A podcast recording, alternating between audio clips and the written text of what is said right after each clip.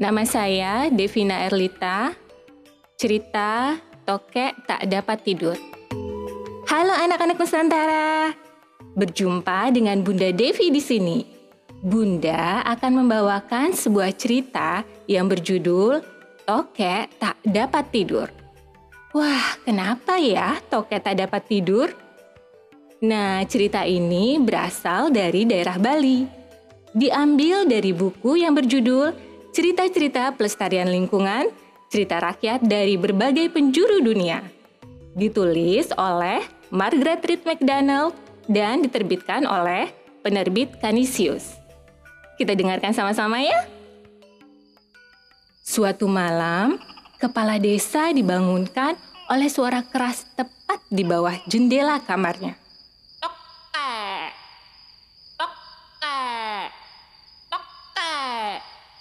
Kepala desa bangun dari tempat tidurnya dan bersandar pada jendela. Ada tokek.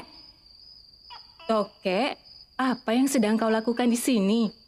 Sekarang sudah tengah malam. Pulanglah dan pergilah tidur.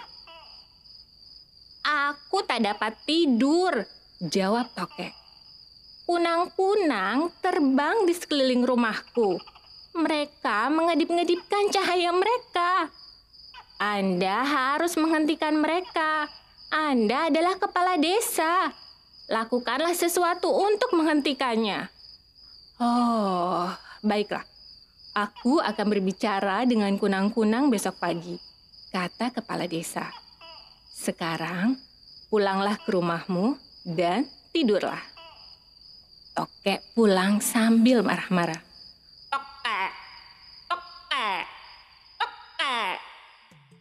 Keesokan harinya, kepala desa memanggil kunang-kunang. Kunang-kunang, benarkah kalian mengedip-ngedipkan cahaya kalian sepanjang malam? Perbuatan kalian telah membuat toket tidak bisa tidur. Oh iya, sahut kunang-kunang.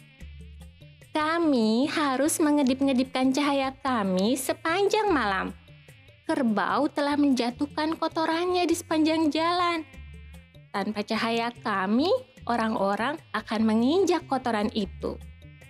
Oh, sungguh perhatian sekali kalian, kata kepala desa. Lakukanlah terus apa yang telah kalian lakukan. Kalian boleh pulang sekarang. Maka pulanglah kunang-kunang.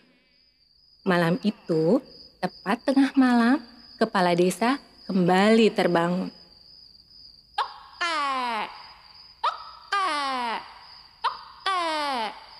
Kepala desa bersandar pada jendela. Toke, pulanglah dan pergilah tidur. Tapi aku tak dapat tidur. Kunang-kunang masih mengedip-ngedipkan cahaya mereka.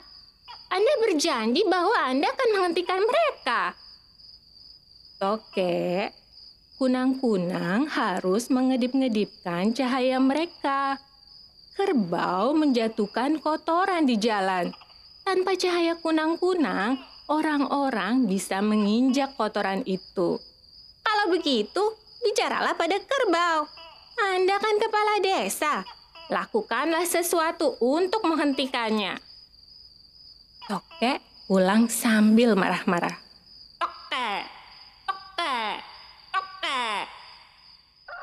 Keesokan harinya, kepala desa memanggil kerbau. Kerbau, benarkah kau menjatuhkan kotoranmu di jalan? Ya, air hujan menggenangi lubang-lubang di jalan setiap sore. Maka aku menutup lubang-lubang itu dengan kotoranku setiap hari. Jika aku tidak melakukannya, orang-orang akan terprosok ke dalam lubang dan terluka. Oh, sungguh perhatian sekali kau kerbau.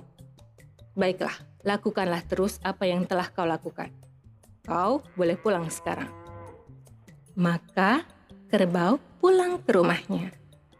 Malam itu, tepat tengah malam, kepala desa kembali terbangun.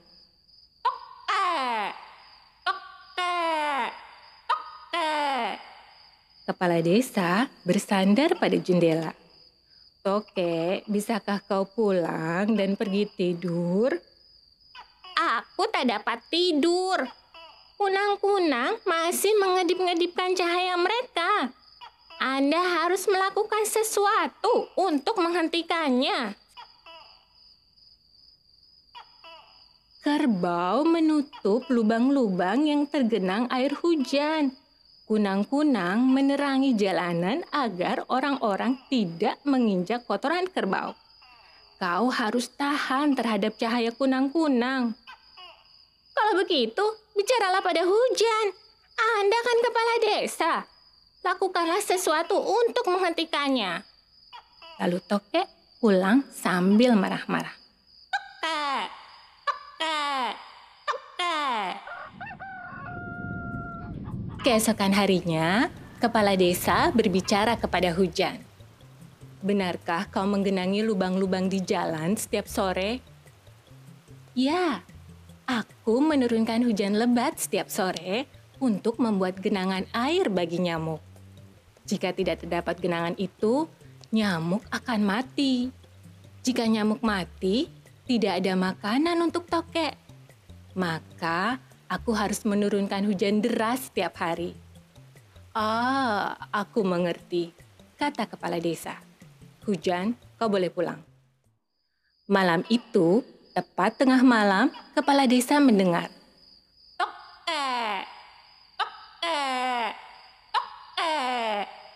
Kepala desa bersandar pada jendela rumahnya. Toke, pulanglah dan pergilah tidur. Aku tetap tak dapat tidur. Kunang-kunang masih mengedip-ngedipkan cahaya mereka. Anda mengatakan bahwa Anda akan melakukan sesuatu untuk menghentikannya. Toke, dengar baik-baik. Jika hujan tidak menurunkan hujan setiap sore, tidak akan ada genangan air. Jika tidak ada genangan air, tidak akan ada nyamuk. Jika tidak ada nyamuk, tidak akan ada yang kau makan. Nah, sekarang bagaimana pendapatmu tentang hal ini? Tokek berpikir, jika kepala desa mengatakan pada hujan untuk berhenti menurunkan hujan, kerbau dapat berhenti menutup lubang di jalan. Dan kunang-kunang dapat berhenti mengedip-ngedipkan cahaya mereka. Tapi toke tidak akan mendapatkan nyamuk untuk makanannya.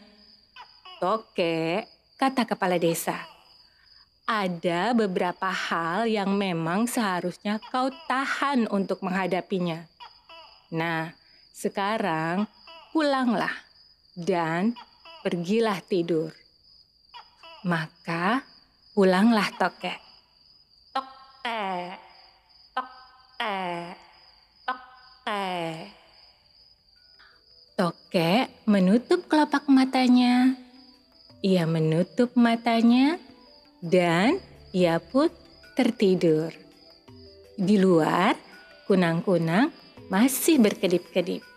Sesuatu yang seharusnya kau tahan menghadapinya. Nah, demikian cerita dari Bunda Devi. Sampai bertemu lagi.